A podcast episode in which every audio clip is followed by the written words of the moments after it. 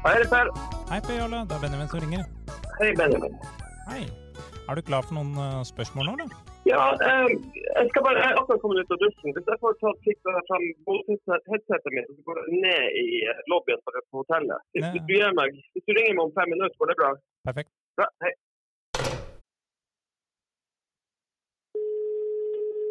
Hei, det er Per. Da er du klar for noen spørsmål? Ja, jeg håper det. Mhm. Kommer på, hva du har tenkt å dryle imot meg. Hva er det du liker så godt med Italia?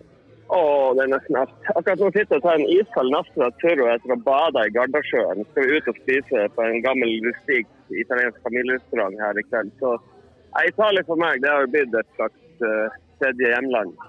Eh, Det er ikke så veldig mye å mislike. Uh, jeg tror nok at jeg har bodd i Italia i et tidligere liv. Er du en handy fyr? Kunne du snekra en platting, f.eks.?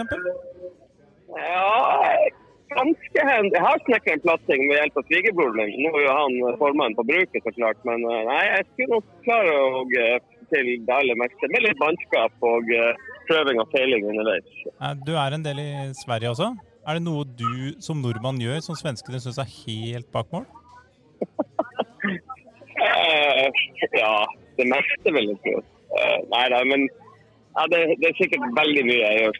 Så jeg nekter å bli tenkt. Jeg prater jo, jeg har jo fortsatt samme dialekt, selv om jeg har bodd eh, 20 år i Sverige. Så jeg blir vel sett på som en slags halv, eh, halveksotisk eh, halvklovn fra Nord-Norge. Hva er det Nord-Norge har som resten av verden ikke har? Flyring.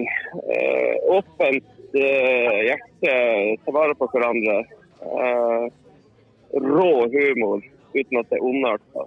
Eh, ja, og så tror jeg man blir ganske kjekk der oppe, for det er så forbanna mye ute i vær og vind. Skulle fått, fått fin hud av det.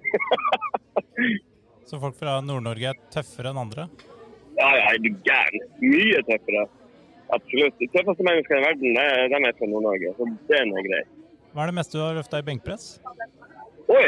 Eh, for siste året på idrettslinja så tror jeg at jeg pusha 90, men jeg veide jo sjøl bare 65. Jeg har ikke telling hva jeg skulle ta i dag, men jeg er men vet du jeg er med men 90 kan vel bli svaret, da.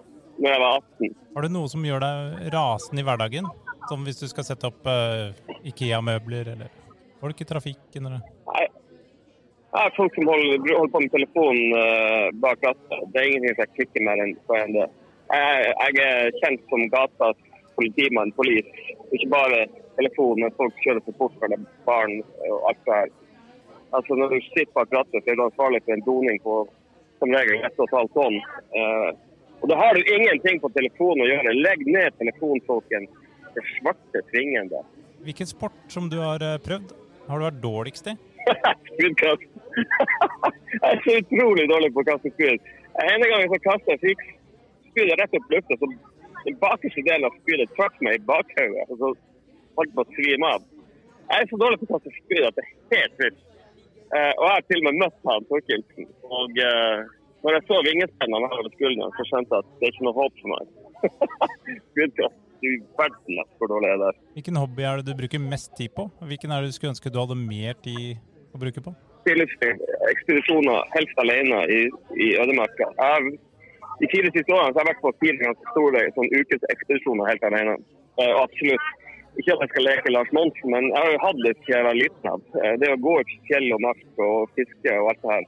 Så eh, hadde livet vært lenger, så skulle jeg absolutt kunne eh, altså, gjort mer av det. helt klart. Eh, være alene på fjellet. Det finnes ikke noe bedre for hjerne, kropp og sjel. Hva tror du du hadde vært hvis du ikke hadde jobba med, med noe med sport? Jeg skulle jo bli bankmann. Jeg jobbet, jeg var jo den yngste i DNB i Tromsø der i 96-99.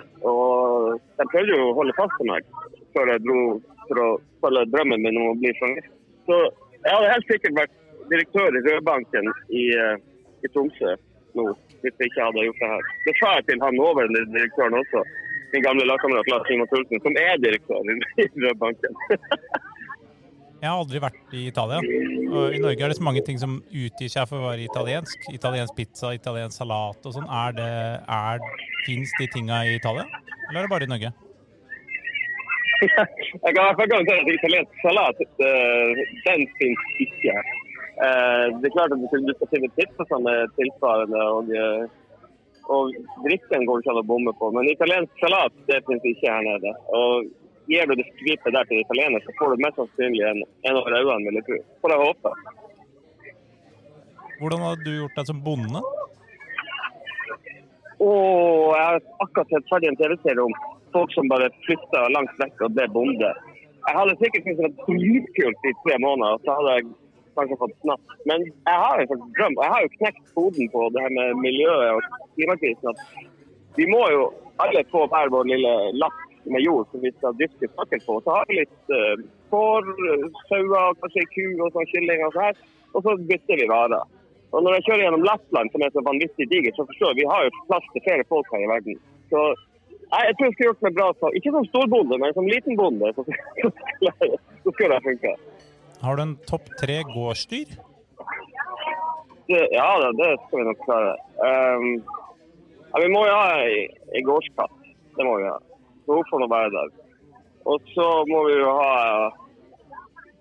jeg hører at det her blir ikke noe særlig til bondegård. Vi må jo ha en gårdshund. og så må vi jo ha en sånn and som får springe rundt. og Ender er jo mitt favorittdyr. Jeg, har jo gått fra restauranten når fått bestille and. Jeg sier du bestiller ikke and, og så gjør de det. Så går jeg. Det har vært gjort tre eller fire ganger. Så Det var ikke så mye storfe der, da, men en eh, katt, en hund og en and, så er vi der. Da har vi begynt i hvert fall. Du har kommentert massevis av store kapper, men har et eh, mål for karrieren?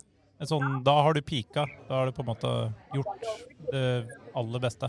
Nei, jeg har jo pika for lenge siden. Man skjønte jo at etter eh, det å være på plass når Chelsea vant ligaen i Premier League, det å være som norsk fotballkommentator når et lag vinner Premier League når jeg var på Stamford Bridge, så skjønte jeg at alt etter det går bare rett til helvete. Nå går det bare nedover. Det er jo pika. Nå får jeg bare klamre meg fast og kose meg med det, med det, som, eh, det som jeg gjør. Men det, det er ikke den stressen lenger som det var før med liksom å gjøre de store kampene. Nå har det akkurat vært på en roadtrip i Nord-Norge og gjort masse breddefotball. og nei, det, det er ikke noe stress lenger.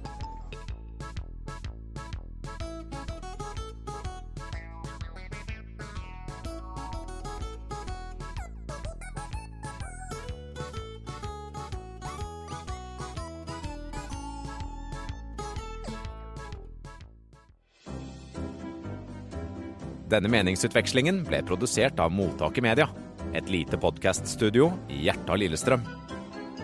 Sjekk mottaket.studio på verdensveven, eller søk oss opp på Alta Vista.